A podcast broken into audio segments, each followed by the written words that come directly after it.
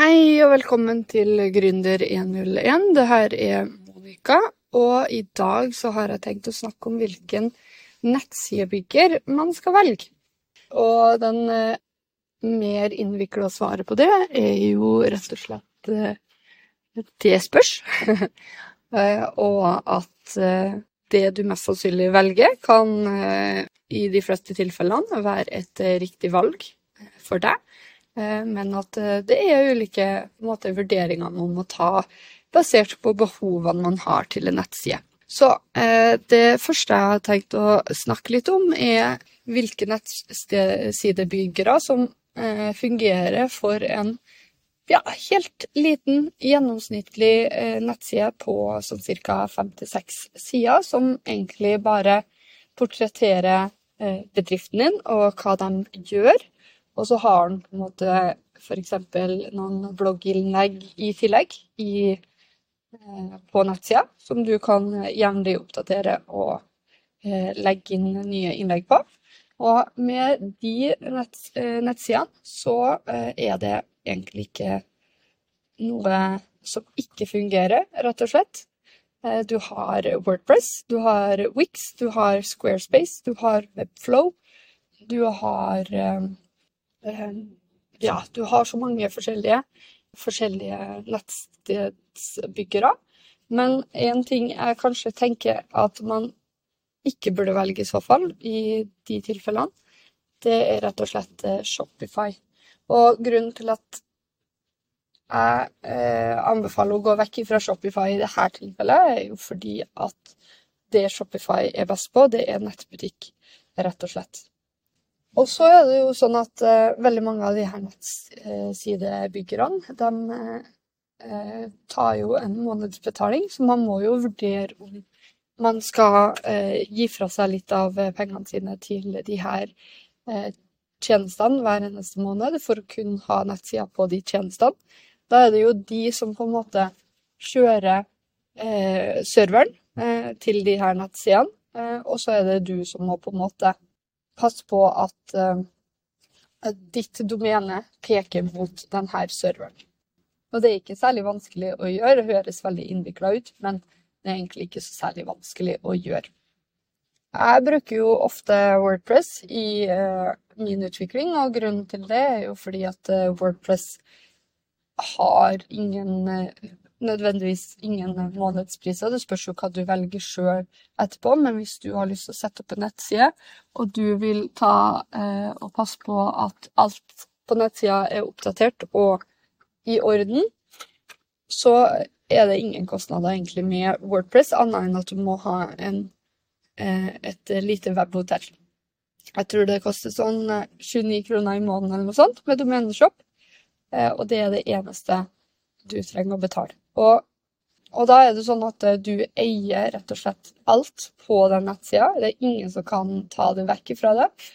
Til og med ikke domeneselskapet kan nødvendigvis ta det vekk fra deg, og du kan laste ned alt som har med nettsida di, for det finnes på en eh, rett og slett på en database. Så du kan laste alle filene, du kan laste ned all, eh, all informasjon som ligger på en database, og du kan laste ned måte det her i en eh, backup-fil. Så hvis eh, noe skjer med nettsida di, eller eh, noen eh, domeneshop bestemmer seg for at nei, vet du, jeg har ikke lyst å kjøre i gang med eh, dom domenehosting noe mer, så kan du rett og slett ta alle de her filene, og så kan du flytte over til eh, f.eks. one.com eller eh, Webhuset eller noe sånt. Sant? Så eh, med Wordpress så har du rett og slett fullstendig kontroll på nettsida di, og det er du som bestemmer, og det er du som eier det her nettstedet. Med eh, Squarespace og Wix og Webflow eh, så er det jo sånn at eh, Webflow og Wix og Squarespace de kan jo bestemme seg til enhver dag om at nei, vet du, det her eh, utvikling av nett, eh, et CMS, det er egentlig ikke så gøy. Det her er bare kostnad og frustrasjon for oss, eh, og ikke så særlig lukrativt noe mer. Vi bare stenger hele businessen. Eh, og da er det jo sånn at eh, hvis de stenger businessen, Det er jo veldig usannsynlig at det skjer, men hvis de stenger businessen sin, så er det jo over og ut for nettstedet ditt. Da må du rett og slett starte helt på nytt og lage denne nettsida på nytt. Og jeg sier jo ikke det her for å skremme dere, fordi det er jo det er jo ikke sånn at det her kommer nødvendigvis til å skje. Men jeg vil bare at man skal være obs på at det kan i, i verste fall så kan det skje. Eh, de har jo også ulike retningslinjer for hva innhold man har lov til å ha på nettsida si. Og det skal jo ikke bryte med retningslinjene som de har. Eh, og de fleste av oss leser vel ikke de retningslinjene. Og når det gjelder eh, å sjekke de, at du overholder de her nettsidene, så kan det jo være at de gjør det manuelt, men det kan jo også være at de gjør det via en robot. Og hvis roboten da med et uhell, da, eller eh, det er et ord på norsk eksempel, som trigges ut av at du har brutt deres policy, så kan det jo også være at de faktisk stenger deg ut av nettstedet ditt og, og stenge ned nettstedet eh, stedet ditt. Og det også er jo svært usannsynlig at skjer, men det er på en måte deres De forbeholder seg retten til å gjøre sånne ting. Med Wordpress så kan du rett og slett eh, skrive hva som helst uten at det nødvendigvis betyr at du må ta ned nettsida di. Ikke sikkert at du blir indeksert på Google hvis du bryter deres retningslinjer for innhold man kan skrive på, på nettsida si, men, men, det er ingen som kan i hvert fall ta fra deg innholdet og tekstene og databasen som du har, for det, det er du som eier det. Og så er det jo sånn at hvis du vil ha litt mer eh, custom ting, da, så, som for eksempel hvis du kjører på med nettbutikk og vil selge ting, så anbefaler jeg jo enten eh, Shopify eller eh, Wordpress, fordi Wordpress har noe som heter WooCommerce, som også er gratis. Og da har du muligheten til å legge til hva som helst på den nettbutikken din for at de skal For at nettbutikken din skal være optimal for folk. Med Shopify så må du betale en månedsavgift på sånn 300 kroner for å ha Shopify, men på samme tid så har de blitt eksperter på nettbutikk. Og det er liksom det beste alternativet i forhold til nettbutikk, da. Eh, mange har jo også nettbutikken sin på Wix, og Wix har blitt kjempebra. Eh, de har utvikla seg ekstremt mye siden den første gangen jeg testa ut Wix, og jeg har blitt veldig positivt overraska til Wix.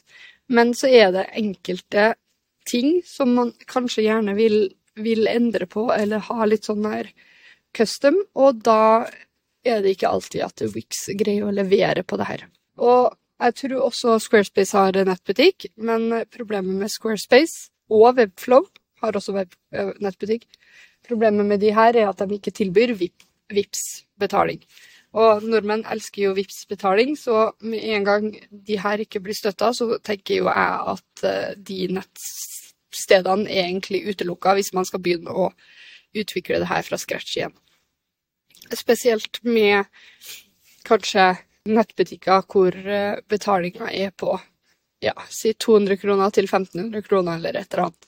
Det er jo ikke sikkert alltid at folk kjøper en ring til 20 000 med VIPS, men med sånne litt mindre beløp så er VIPS eh, betaling ganske genialt. VIX og Wordpress og Shopify tilbyr alle VIPS-betaling, eh, så de er good to go. Og, men fordelen med hvis du skal velge mellom Shopify og Wordpress, da, så eh, handler det jo rett og slett om andre faktorer. Så, som for eksempel med Shopify så er det ofte sånn at eh, man også må legge til ulike plugins og sånn for nettbutikken sin. For å få, eksempel for å kunne eh, filtrere uh, etter kategorier og sånne ting, så må du nesten laste en plugin. Ofte også på Wordpress så må du gjøre det her. Men det som er med Shopify, er at nesten alle pluginsene som Nesten alle pluginsene som blir lasta opp på Shopify, må du rett og slett betale for. De har sånn her gratis opptil 50 produkter, eksempel, men hvis du har over 50 produkter, så må du betale for denne pluginen. Og det er i seg sjøl vel og greit, eh, men Problemet er jo når det her blir en hva skal jeg si, en mån månedssum hver eneste måned, at det blir en sånn subscription-based eh, plug-in. Eh, og jeg anerkjenner at det tar ekstremt lang tid noen ganger å utvikle en plug-in, og den her må vedlikeholdes, og det kommer nye features og sånne ting på ulike pluginser. Men eh, jeg er litt sånn en motstander av at man skal ha abonnementbaserte eh, eh, pricing på absolutt alt. Um, det er en veldig fin og lukrativ metode for, for, for utviklerselskapene å ha en forutsigbar inntekt hver eneste måned, spesielt hvis det, det, her er noe de gjør. Uh, kun gjør det her, liksom. Um, men på samme tid, for uh, forbrukere, så blir det veldig mange, veldig mange månedssummer i løpet av en måned som kan ende opp med at det blir rett og slett bare en veldig høy pris til slutt. Så jeg, med en gang jeg ser en sånn lifetime eh, engangssum, så er jeg ekstremt happy. Da velger jeg heller det istedenfor sånn månedssum. Men eh, uansett om det Shopify har ofte sånne månedssummer, mens eh, jeg har sett Det har jo Wordpress også nødvendigvis, men eh, det har jo selv, eh, selvfølgelig Wordpress også.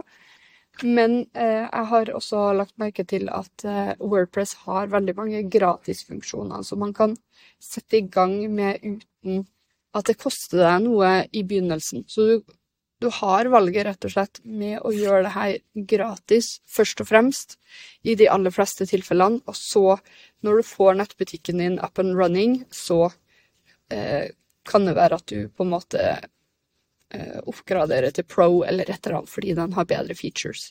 Mens med Shopify så føler jeg at du må nesten investere de pengene hver eneste måned, uten at du nødvendigvis blir garantert at det lar seg gjøre, da.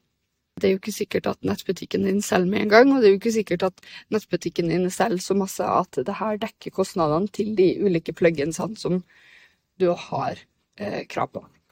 Men så finnes det jo heldigvis ulike sånne mer sånn avanserte tema-themes, heter det, Tem eh, templates, eh, på Shopify, som kanskje har noen av de her greiene, sånn som filtrering, eh, inkludert.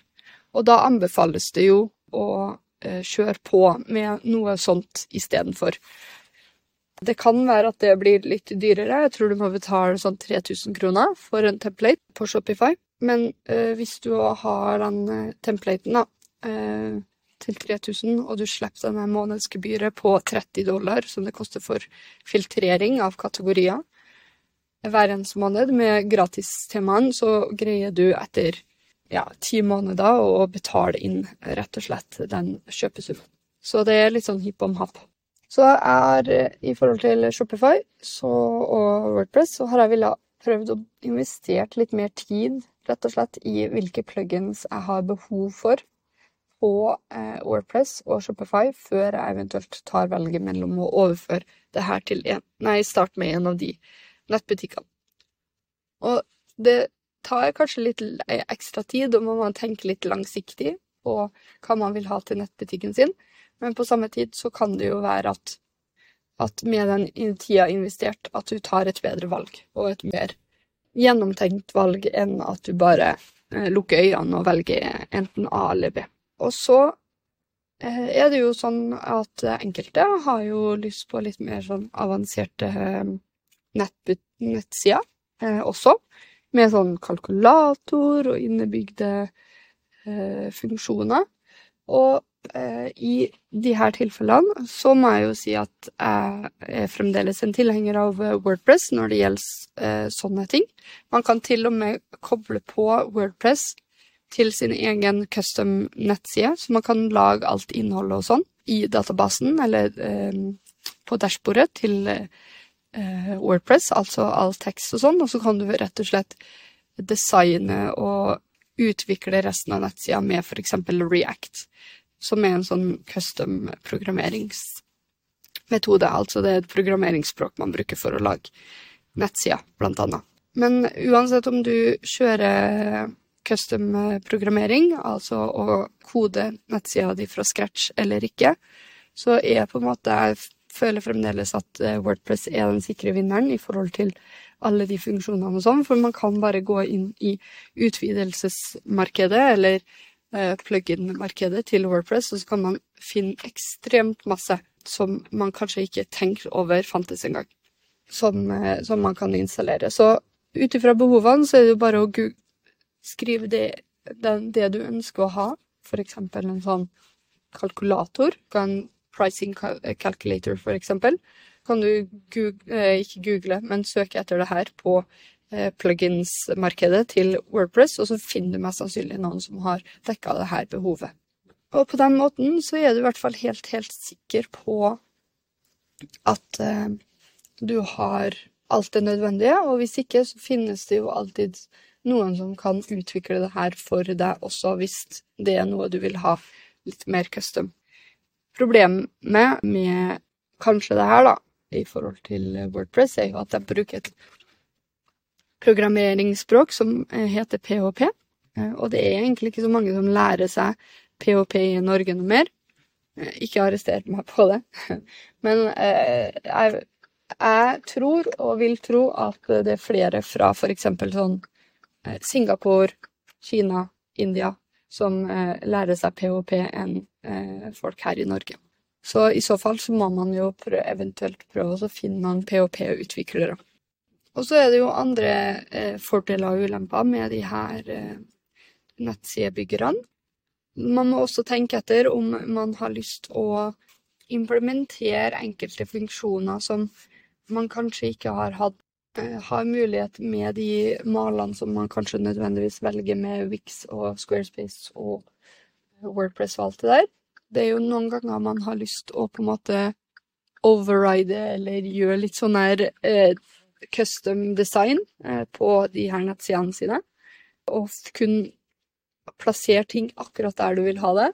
De fleste eh, nettsidebyggerne gir jo deg en mulighet til å eh, drive med drag and drop og sånn. Men så er det jo sånn at eh, de fleste nettsidene, eller alle nettsidene, bør jo også være Eh, responsiv, altså den burde fungere både for mobil og for nettbrett og for datamaskin.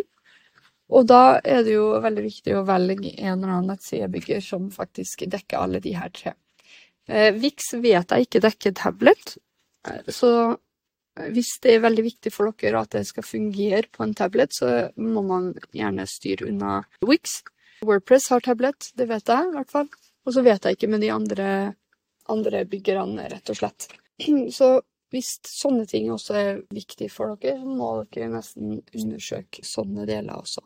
De fleste andre nettsidebyggerne lar deg legge inn HTML og Javascript inn i nettsidebyggerne, men det kan også være noen som ikke gjør det. Og da er jo det også en ulempe noen ganger, kanskje. Det var episoden for i dag. Det var veldig hyggelig at dere hørte på. Og så snakkes vi i neste episode. Adjø.